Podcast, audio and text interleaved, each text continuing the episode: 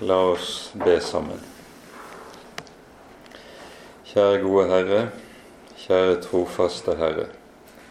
Til deg kommer vi og takker og lover deg for all din godhet mot oss.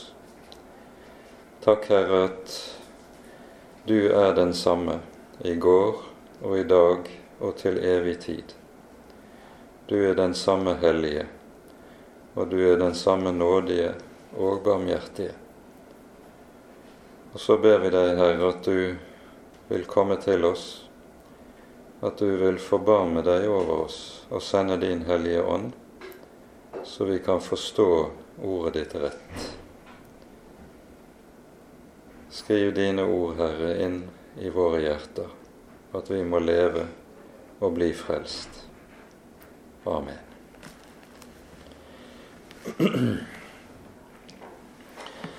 Sist gang så eh, så vi altså på siste halvdel av det åttende kapittel og begynnelsen på det niende kapittel.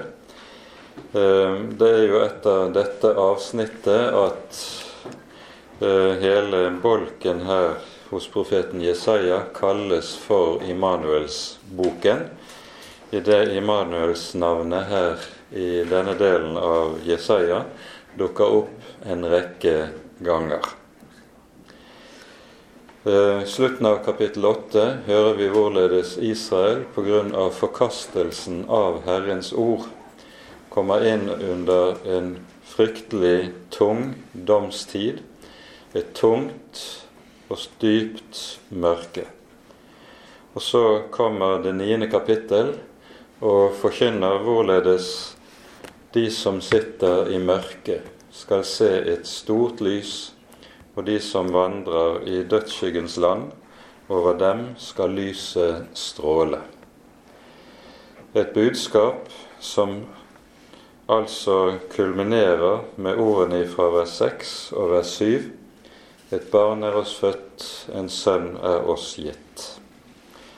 Der tankegangen er denne at når Frelseren kommer, så kommer han til et folk som er under Guds dom. Han kommer til, Guds folk i dommens tid. Og det er nettopp det som er tilfellet når den Herre Jesus trer inn i verden.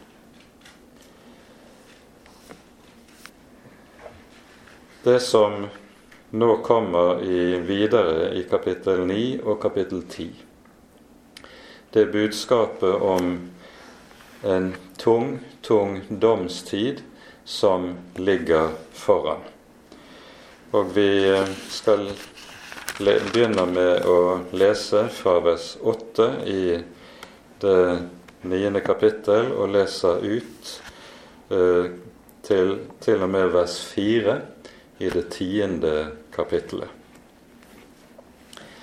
Et ord har Herren sendt mot Jakob, og det skal slå ned i Israel. Hele folket skal merke det, Efraim og Samarias innbyggere. I stolthet og hjertets overmot sier de, murstein er falt, men med hogne steiner vil vi bygge opp igjen.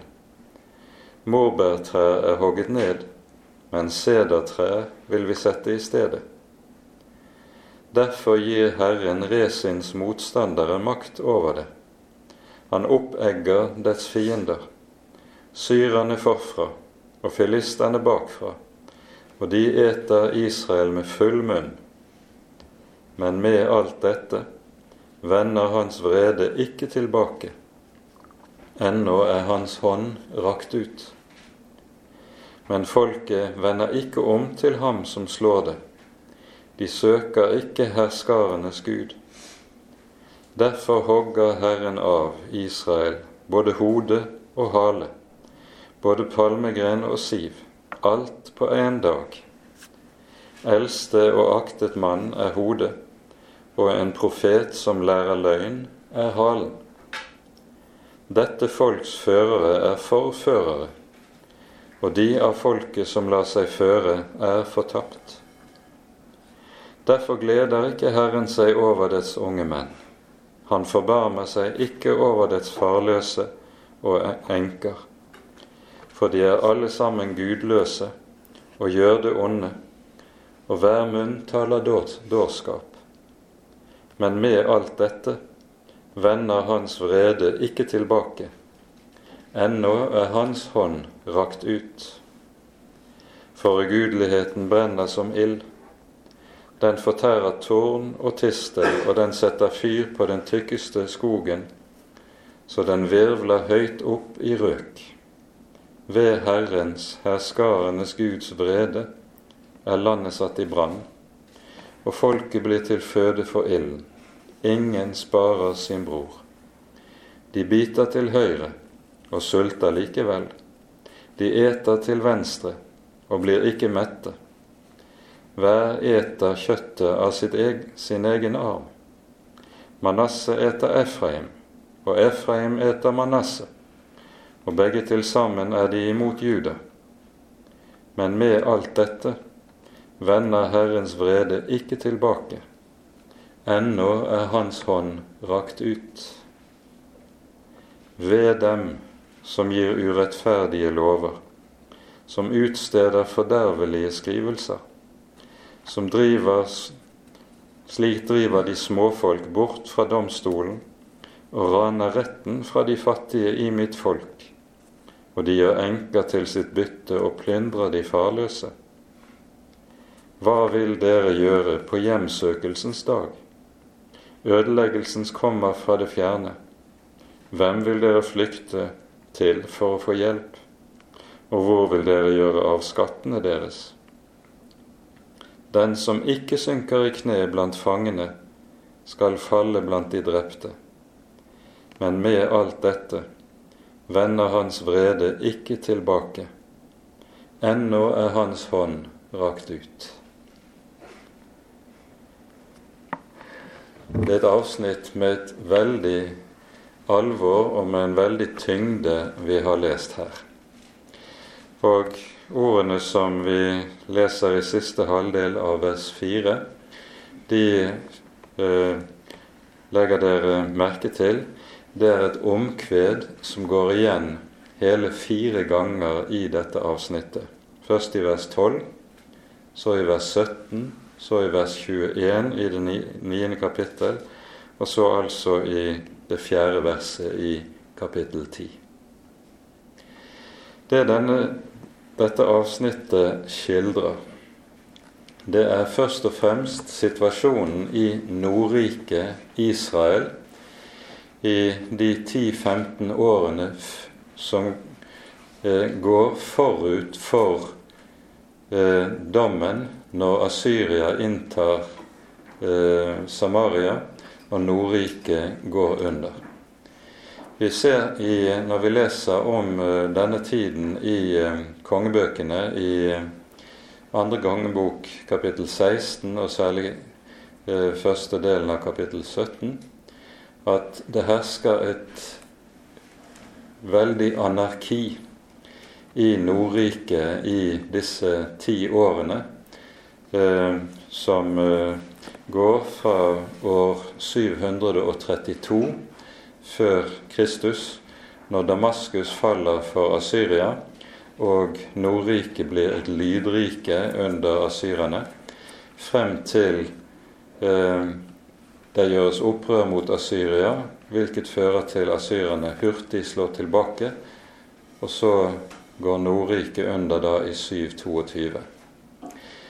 I denne tiden er det en Hosea som har eh, tilrannet seg makten i eh, Nordriket.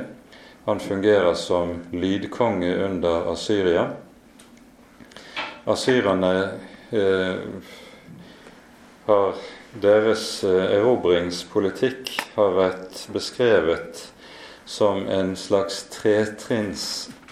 Eh, Den begynner med at de kommer med sine hærer og truer et land hvilket fører til at dette landet da samler og skraper sammen alt det de kan av rikdommer for å betale tributt til asyrerne for å slippe å bli angrepet av dem.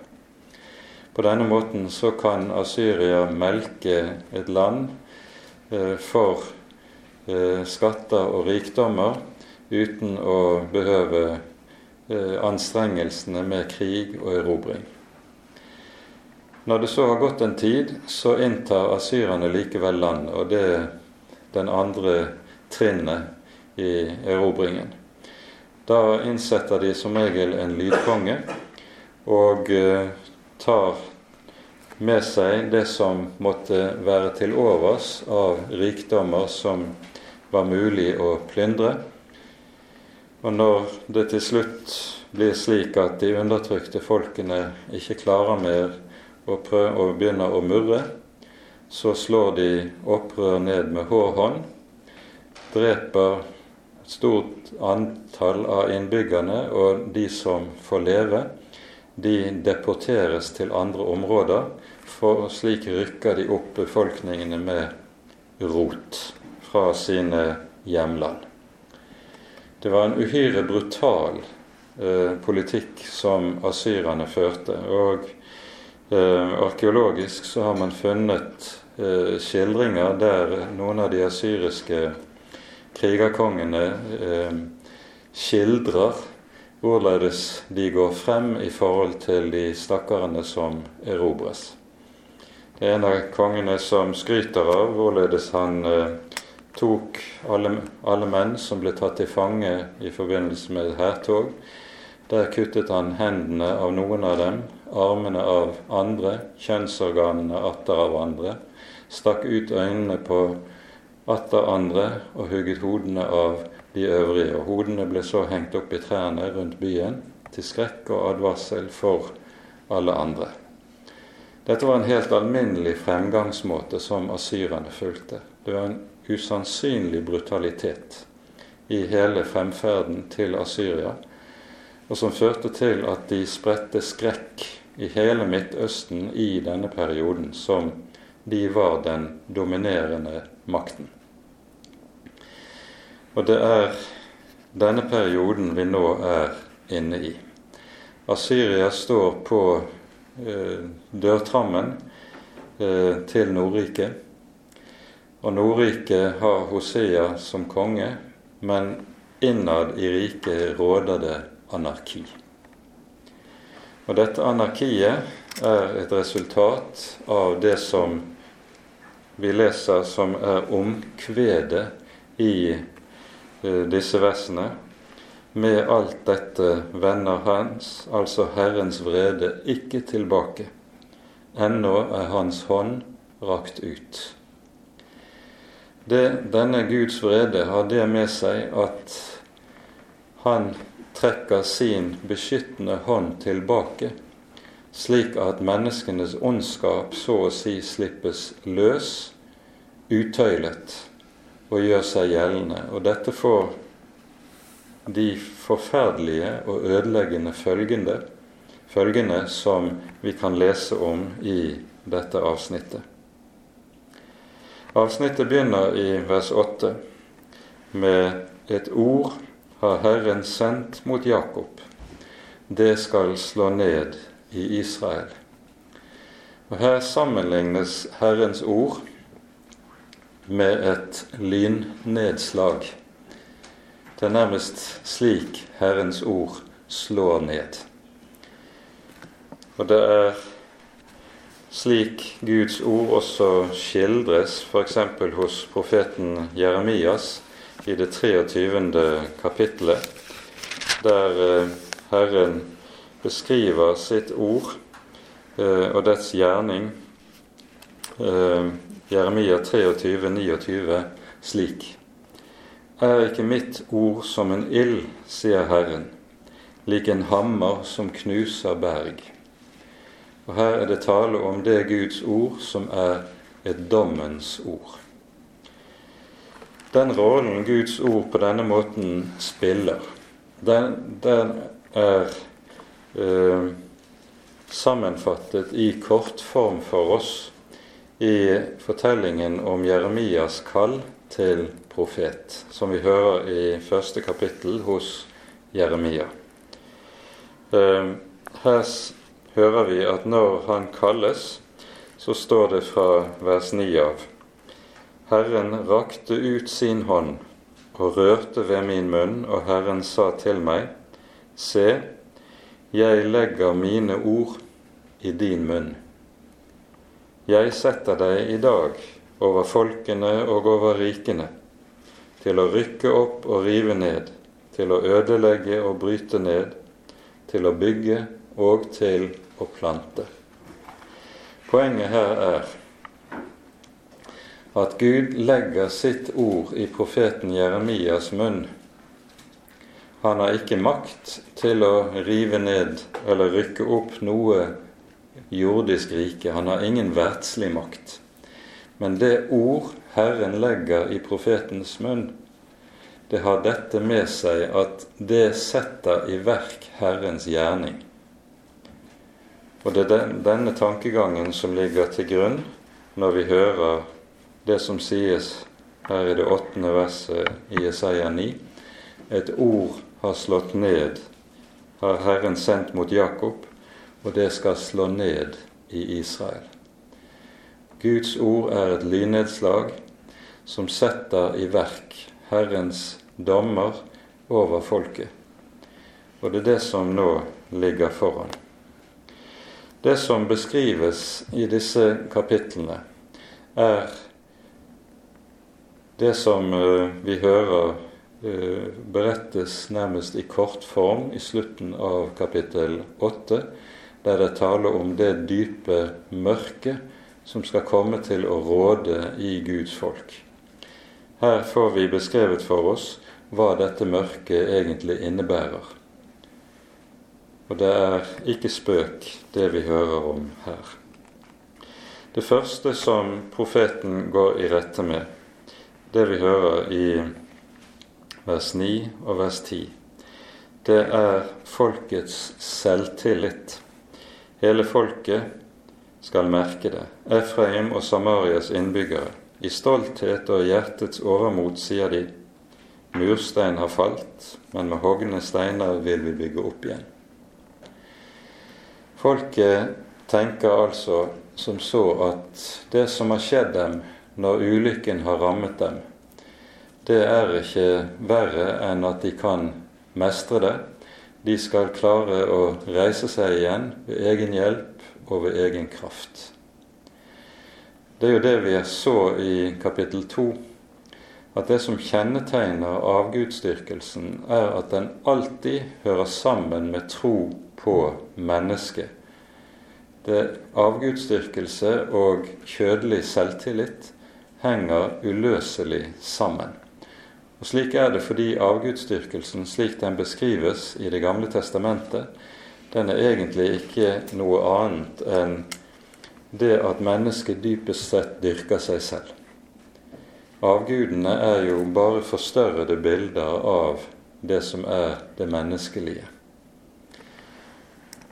Derfor er det at det andre kapittelet, som han jo beskriver hvorledes Herren skal eh, fornedre alt som er stolt og er opphøyet, slutter med disse ordene, at Herren sier, hold da opp med å stole på mennesket, i hvis nese det bare er et pust. Denne selvtillit som vi her hører tale om, og som kjennetegner Nordriket, som de jo, disse ordene er sendt imot, den hører vi også omtalt hos profeten Jeremia, og da i mer prinsipiell form i det 17. kapittelet i Jeremia-boken. Og dette er ganske bety betydningsfulle og sentrale vers som eh, alle egentlig bør kjenne.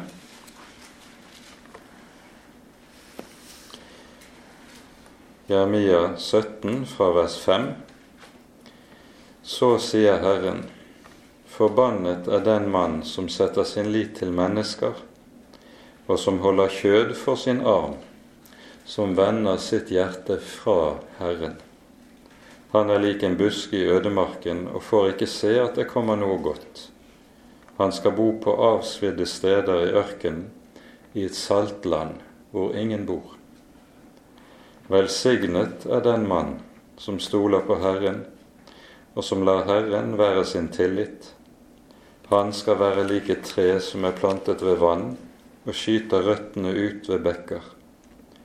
Det frykter ikke når heten kommer. Alltid har det grønne blad. Det sørger ikke i tørre år og holder ikke opp med å bære frukt. Her settes det altså opp mot hverandre som et skarpt enten-eller. Enten stoler man på mennesker, enten stoler man på seg selv, eller så setter man sin lit til Herren. Og I dette ligger det et enten-eller. Det er denne selvtillit som Gud altså i første omgang går i rette med her i Jesaja 10.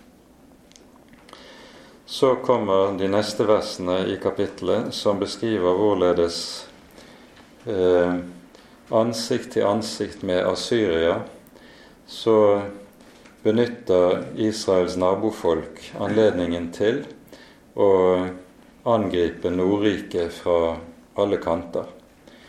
Eh, mens Israel er klar over den sterke trusselen, så blir de samtidig også temmelig forsvarsløse overfor nabofolkene som har vært de tradisjonelle fiendene til Israels folk. Og så kommer det sentrale verset, nemlig vers 13, i dette avsnittet. Men folket vender ikke om til Han som slår det det søker ikke Herren herskarenes Gud. Her møter vi noe som er et grunntema i Skriften. Det samme har lydd hos, eller i Nordriket gjennom profeten Amos eh, en 50, år, 50 års tid tidligere og jeg tror vi skal ta oss tid til å slå opp i det fjerde kapittel hos profeten Amos.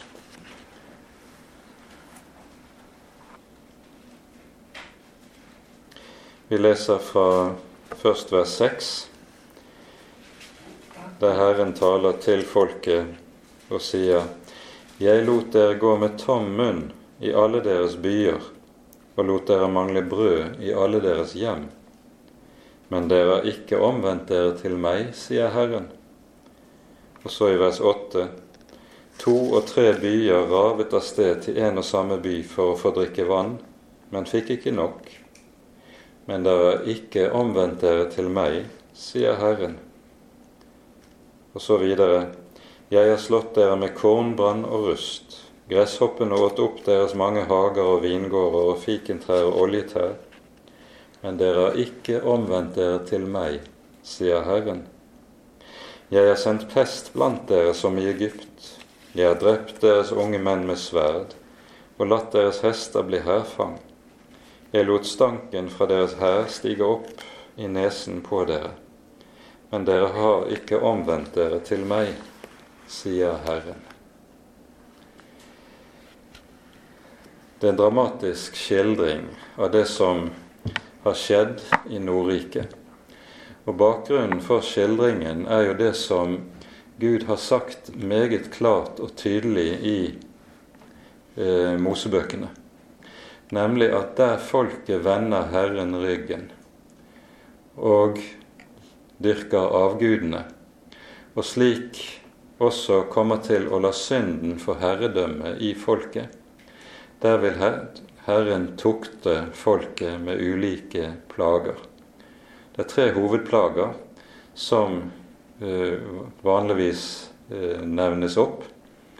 Det ene er hungeren. Det andre er sått eller sykdom.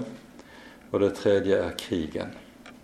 Og dette er de tre hovedtuktemidler som Gud eh, eh, sier han vil anvende på sitt folk der det vender ham ryggen. Og vi skal være klar over at dette altså er tuktemidler. Det er midler ved hvilke Herren vil søke å vekke folket til besinnelse og vekke det til omvendelse. Han stiller liksom frem for folket Se her, nå skjer det nøyaktig det jeg har sagt dere. Vend om til meg, så skal dere bli frelst. Så skal dere bli hjulpet. For når Herren sender slike plager som vi her hører om, så lar han disse plagene alltid ledsages av et budskap gjennom profetene, der profetene kaller folket til omvendelse. Sånn at plagen og ordets forkynnelse, kallet til folket, går alltid hånd i hånd. Men det tragiske som gjelder Israel, er altså det som lyder som et omkved her er det fjerde kapittelet hos Amos. Dere har ikke omvendt dere til meg. Om igjen og om igjen lyder det. Herren har arbeidet forgjeves på dette folk, både kalt på dem med sitt ord og kalt på dem med den tukt som har rammet dem. Og når tukten ikke fører til omvendelse, så blir tukten til dom og til straff. Og det er det som nå skjer i eh, denne tid som vi er inne i hos profeten Jesaja. Som sagt, Amos virket en ca. 50, kanskje 60 års tid forut for Jesaja. Og det er denne tid som nå går mot sin avslutning. Nordriket holder på å gå under.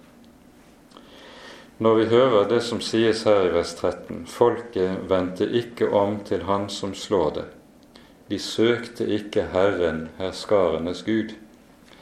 Så det er et eget uttrykk for dette i Det gamle testamentet som er uhyre viktig. Dette kalles for å hate tukt. Eh, selve uttrykket anvendes i f.eks. i Salme 50 Eh, der Herren går i rette med sitt folk og sier til eh, folket eh, i Salme 50, vers 16 Til den ugudelige sier Gud, hva har du med å fortelle om mine lover og ta min pakt i din munn? Du hater jo tukt og kaster mine ord bak din rygg. Og så skildres det hva dette betyr. Det betyr, handler om rett og slett at her er det noen som har Guds ord, men turer frem etter eget hode og lever etter sine egne lyster, i stedet for å ta Guds ord til hjertet. De vet hva Guds ord sier, og likevel bøyer de seg ikke for det. Det er å hate tukt. I ordspråksboken i kapittel 1 så møter vi eh, denne tankegangen i mer prinsipiell form. Eh, det kan være nyttig å være oppmerksom på akkurat dette. Først de kjente ordene i vers 7 i ordspråkene kapittel 1. Her står det å frykte Herren er begynnelsen til kunnskap visdom og tukt blir foraktet av dårer. Det å forakte tukt, det er akkurat det vi taler om her. Det er at når Herren går i rette med meg for mitt liv, så blir jeg i stedet for å bøye meg og omvende meg, så blir jeg sint. Jeg tåler ikke å, at noen skal si til meg hva jeg skal gjøre, og at jeg er inne på veier som ikke er rette. Det ses på som noe som eh, er Det går på stoltheten løs, for å si det slik. Eh, samme saken dukker opp igjen eh, i avslutningen av kap kapittel 1 i ordspråksboken. Vi leser fra vers 29 fordi de hatet kunnskap og ikke ville frykte Herren, fordi de ikke ville vite av mitt råd og foraktet all min tilrettevisning. Derfor skal de ete frukten av sine gjerninger, og av sine onde råd skal de mettes. For de uforstandiges villfarelse dreper dem, og dårenes trygghet ødelegger dem. Og så kom, slutter kapitlet med ordene Men den som hører meg, skal bo trygt og leve i ro, uten frykt for noe ondt. Det er veldig alvor i, i dette, og det som Jesaja-boken fører oss inn i, er den mangel på botferdighet som har gjort seg gjeldende i Guds folk gjennom flere hundre år, og som nå har nådd sitt ytterpunkt, der Guds langmodighet ikke går lenger, men nå møter den med dom.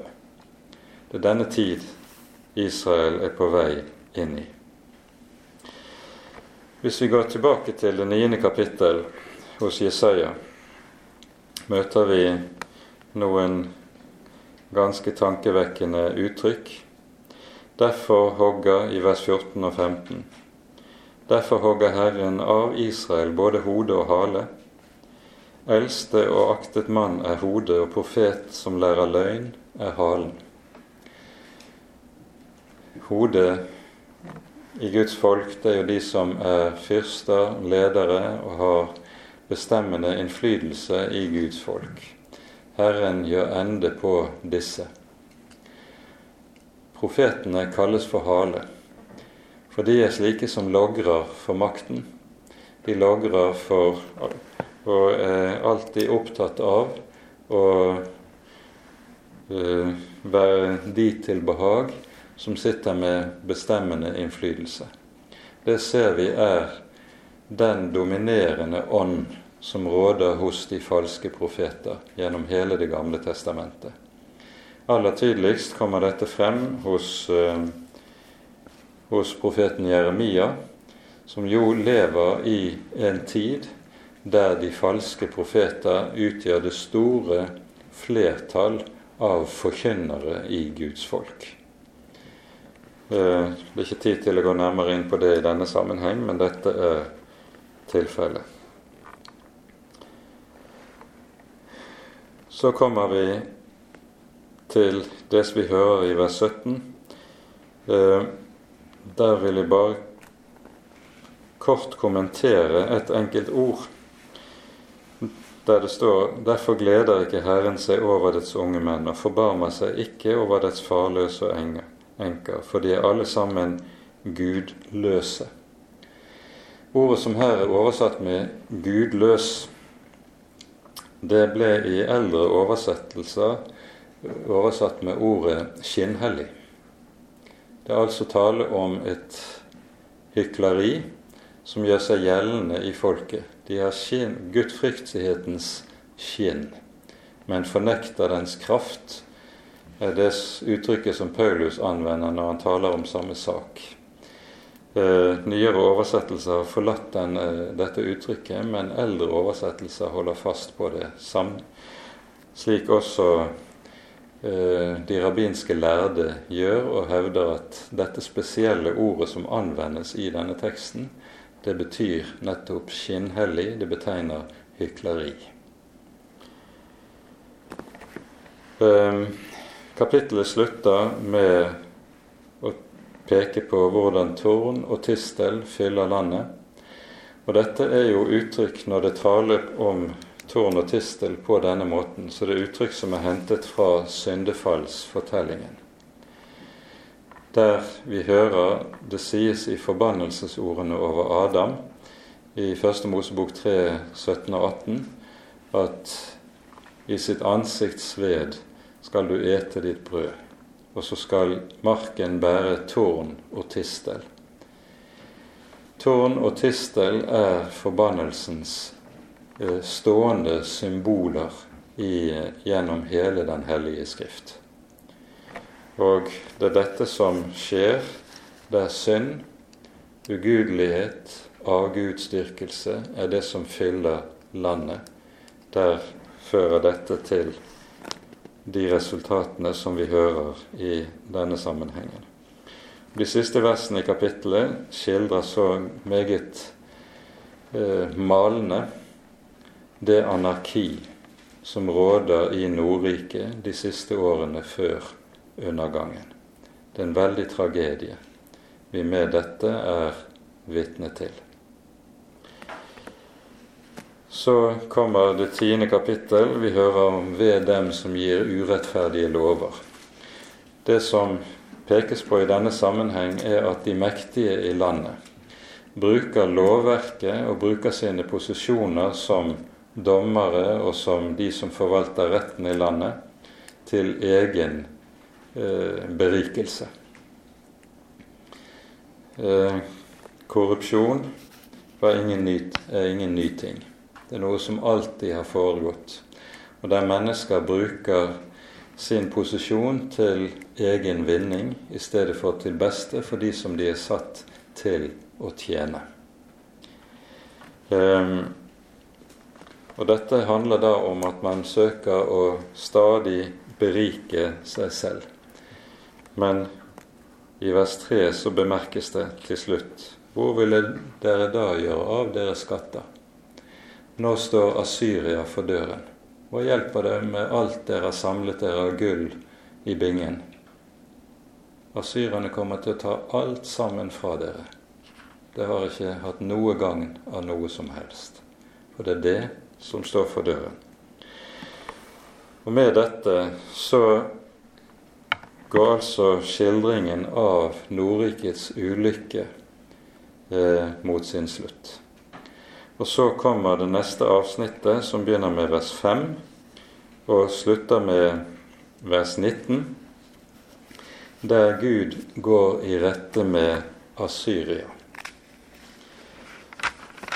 For dette er et viktig poeng eh, som understrekes i hele dette avsnittet. Asyria er Guds redskap. Asyria, om de er aldri så mektige, så er det ikke de som har makten. Det er den levende Gud som har makten. Asyria er bare en svøpe i Guds hånd og når dette folk har utført sin gjerning, sin vredes gjerning, så skal Gud også dømme dette folk på grunn av deres veldige brutalitet, ondskap og overmot. Vi nevnte innledningsvis når vi begynte på denne bibeltimeserien, at med Jesajas tid så er det det asyriske verdensriket trer inn på arenaen. Med skriftprofetene er det slik at vi nå møter verdensrikene. Og verdensrikene representerer både eh, det at de er domsredskaper over Guds folk, samtidig som verdensrikene alltid også representerer fiendskapet mot Herren og mot Herrens folk. Begge deler. Eh, skildringen av verdensrikene når sitt høydepunkt og får sin typiske uttrykk hos profeten Daniel i det andre og det syvende kapittelet i Daniels bok. I det andre kapittelet så tegnes verdensrikenes epoker under bildet av en veldig eh, billedstøtte som eh, kong Nebukadneser ser i en drøm. I det syvende kapittel tegnes de samme verdensrikene under bildet av fire villdyr som etter tur opptrer på historiens arena. Det første villdyret som her tegnes, det er, representerer Babylon. For Daniel levet jo i Babylons periode. Det neste verdensriket er Persia. Det tredje er det gresk-makedonske med Alexander den store. Og det siste og det fjerde verdensriket, det er Romerriket. Og det er i Romerrikets periode Daniel da peker frem imot. Det er da Herren skal sende en evig frelse til folkeslagene. Hvilket også da skjer, og hos Daniel tidfestes dette sågar eh, meget nøyaktig, uten at vi skal gå mer inn på akkurat det. verdensrikene de er fremstilt i sin typiske urform i Den hellige skrift allerede i Første Moseboks ellevte kapittel. Der hører vi beretningene om Babels tårn.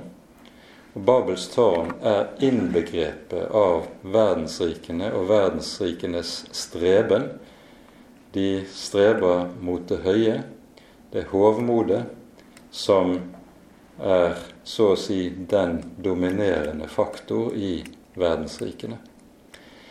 Og Derfor er det også slik at i eh, denne perioden når Babels tårn reises, er det vi hører at det første riket eh, av denne art tar form i Mesopotamias landområde Eh, det berettes i kapittel 10 i Første Mosebok om Nimrod, som var, sies det, en veldig jeger.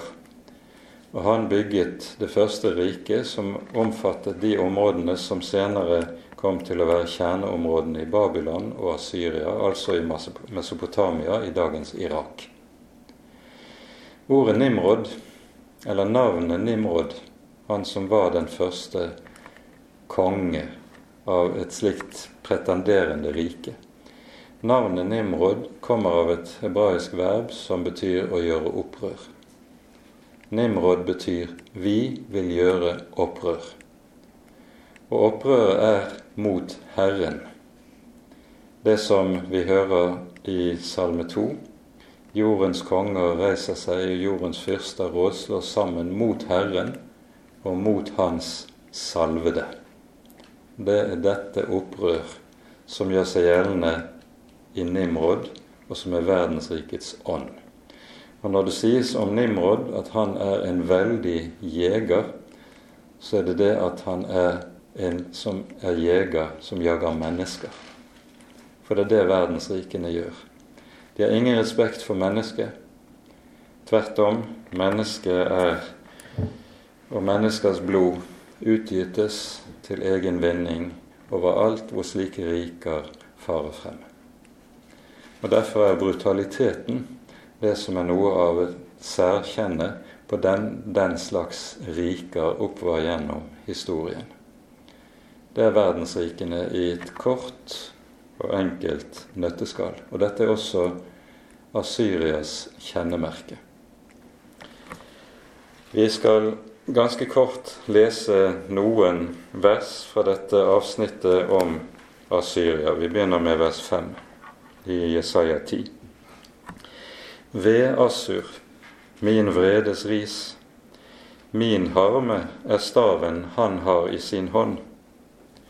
Mot et gudløst folk sender jeg ham, mot et folk jeg er vred på byr jeg ham å fare for å røve og plyndre og tråkke det ned som avfall i gatene. Men slik mener ikke han, og i sitt hjerte tenker han ikke slik. Nei, han har lyst til å ødelegge, til å utrydde mange folk. For han sier, er ikke mine høvdinger konger alle sammen? Er det ikke gått Kalno som Karkemish? Er det ikke gått Hamat som Arpad? er det ikke gått Samaria som Damaskus? Min hånd har jo nådd de andre gudenes riker, enda deres utskårne bilder overgikk Jerusalems og Samarias. Skulle jeg da ikke kunne gjøre det samme med Jerusalem og dets gudebilder, som jeg har gjort med Samaria og dets guder? Det vi hører her i de siste to versene, det er det som dukker opp i kapittel 36 til 38 i Jesaja-boken, og vi kommer til å komme tilbake til det når vi når dit. Men så følger det i vers 13, for Assur sier:" Ved min hånds kraft har jeg gjort det. Ved min visdom, for jeg er forstandig. Jeg har flyttet folkeslags grenser, og skattene deres har jeg plyndret. I mitt velde støtte jeg ned dem som satt høyest. Og så kommer Guds svar i vers 15. Roser vel øksen seg mot den som hogger med den, eller gjør sagen seg stor mot den som drar den? akkurat som staven skulle svinge den som løfter den, eller som om kjeppen skulle løfte den som ikke er av tre. Her peker Herren på at Asyria kun er et redskap i hans hånd til å fullbyrde hans dommer over sitt eget folk. Og når tiden er der, skal Herren også dømme Asyria. Og denne dom sammenfattes i vers 17 og 18. Israels lys skal bli til en ild, dets hellige til en lue. Den skal brenne og fortære hans torn og tistel, alt på én dag. Han skal gjøre ende på herligheten i hans skog og hans fruktbare mark, både rubb og stubb. Det skal gå som når en syk visner bort. Så Herren peker frem imot den dag dommen altså skal ramme Asyria. Midt gjennom disse fryktelige katastrofer som nå ligger foran, så vender Jesaja tilbake til et løfte som tidligere har lydd i disse kapitlene til Guds folk. Da Jesaja oppsøkte kong Akas slik vi hører det i kapittel 7, så skulle han ha med seg sin lille sønn Shear Yashuv, som et navn som altså betyr 'en rest skal vende om'. Gjennom de katastrofene som ligger foran, så vil store deler av Israels folk komme og gå til grunne. Men det vil være en rest som slipper igjennom de store trengsler, de veldige katastrofer. Og denne rest skal bli kjernen i og begynnelsen til et nytt Guds folk. Det skal representere en ny begynnelse for Israels folk.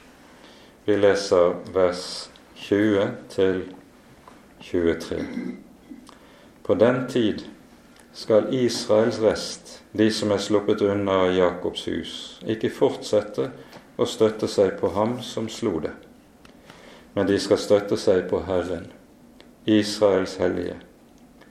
En rest skal omvende seg. Shear Yashov. En rest av Jakob til den veldige Gud. For om ditt folk Israel er som havets sand, skal bare en rest av det omvende seg tilintetgjørelse er fast besluttet, en flom av rettferdighet. For tilintetgjørelse og fast besluttet dom fullbyrder Herren, Herren herskarenes Gud, over hele jorden. Det vi møter i disse kapitlene, er noe som er helt fundamentalt i eh, vår bibel, nemlig at Israels tro er uløselig knyttet til historien. Det at Israels Gud er historiens herre, og han er historiens uinnskrenkede herre. Det er ingen som kan reise seg mot hans makt og mot hans velde. Ehm, når Gud skal åpenbare og si hvem han er, så gjør han det i Det gamle testamentet gjennom å peke på sine handlinger, sine gjerninger i historien. Tenk bare på hva som sies i det første bud. Jeg er Herren din Gud, som førte deg opp fra Egyptens land.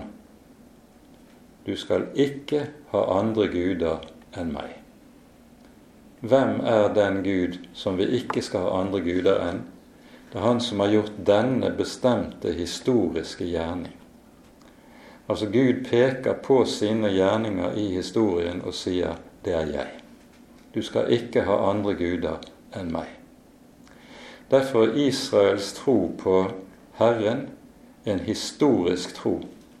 Og den bibelske forankringen til historien er helt avgjørende for bibelsk tro overhodet.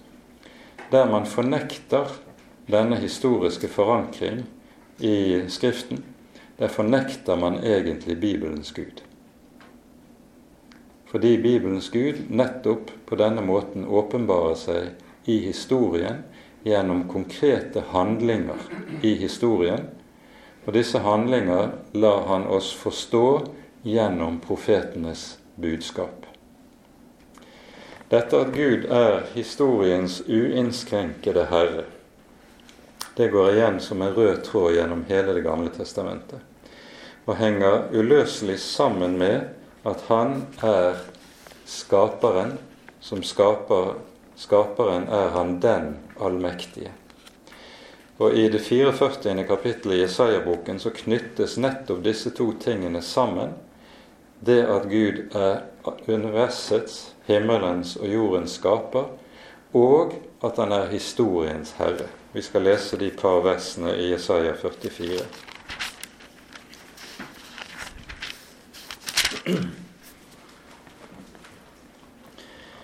Det er altså kapittel 44, og vi leser fra vers 24 til 28. Så sier Herren, din gjenløser, Han som dannet deg fra mors liv av.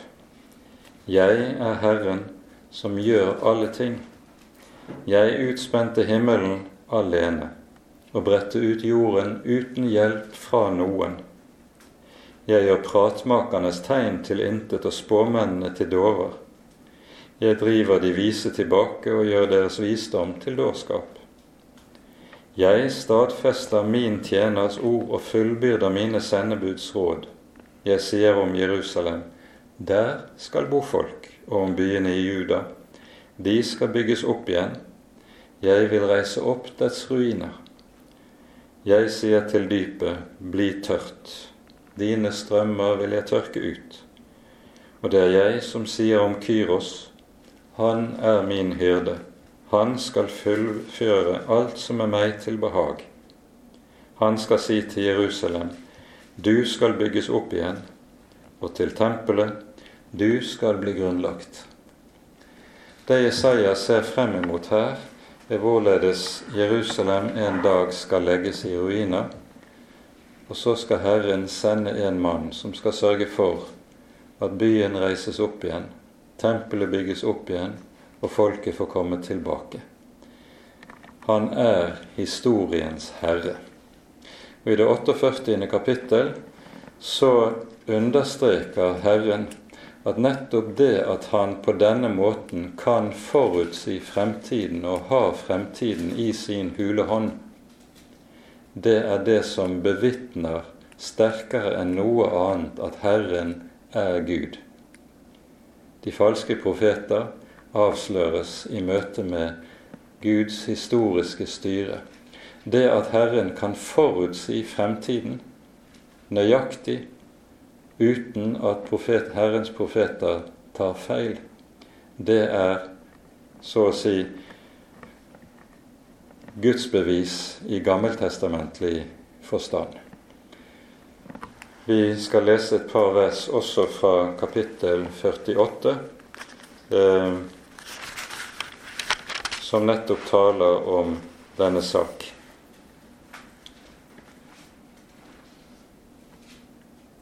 Vi leser fra vers 3. De forrige ting har jeg forkynt for lenge siden de gikk ut av min munn, og jeg kunngjorde dem. Brått satte jeg dem i verk, og de kom. Gud har talt, forutsagt, så skal skje, og nå er det skjedd.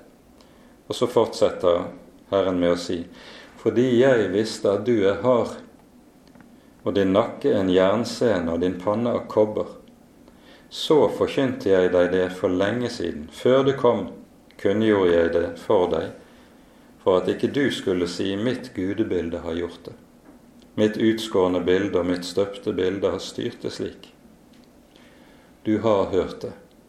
Nå kan du se det alt sammen. Og dere, må dere ikke bekjenne det. Fra nå av kunngjør jeg noe nytt for deg, skjulte ting som du ikke har visst om. Nå først er det skapt, og ikke for lenge siden. Før i dag hadde du ikke hørt det for at du ikke skulle si, det visste jeg. Du har ikke fått høre det og ikke fått vite det, heller ikke er ditt øre for lenge siden blitt åpnet. For jeg visste at du er troløs og er blitt kalt en overtreder fra mors liv av. For mitt navns skyld er jeg langmodig, og for min æres skyld legger jeg bånd på meg og skåner deg, så du ikke skal bli utryddet. Slik er det at Herren altså forutsier fremtiden og lar historien bære vitnesbyrd om sannheten i sitt ord, bære vitnesbyrd om hvem han er. Han er historiens herre, og derfor også den levende Gud. Slik er det eh, profetene tenker om dette, og det er helt avgjørende å være oppmerksom på dette. Bibelens budskap er altså ikke noe som beveger seg i en åndelig, eh, luftig sfære som ikke har noe med den faktiske virkelighet å gjøre. Bibelens budskap er historie. Det er budskapet om en Gud som handler i historien. Han handler i historien med ett formål for øyet å frelse en menneskehet som har gått seg bort det at Gud på fallets dag søker Adam og Eva, som springer av sted og gjemmer seg, det er Guds hjertelag i et nøtteskall. Gud er den som søker en fallen menneskehet. Og gjennom historien gjør han det, og bruker historiens ulike begivenheter både lykke og ulykke for med tanke på dette ene og grunnleggende å vende en fallen menneskehet tilbake til seg.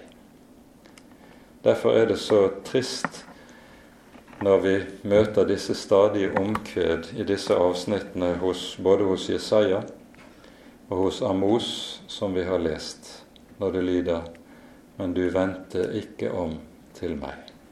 Du vendte ikke tilbake til meg. I dette ligger det så å si et Guds sukk og en Guds sorg over menneskets forherdelse. Med dette tror jeg vi skal sette punktum i dag. Eh, vi rekker ikke å gå inn i kapittel 11.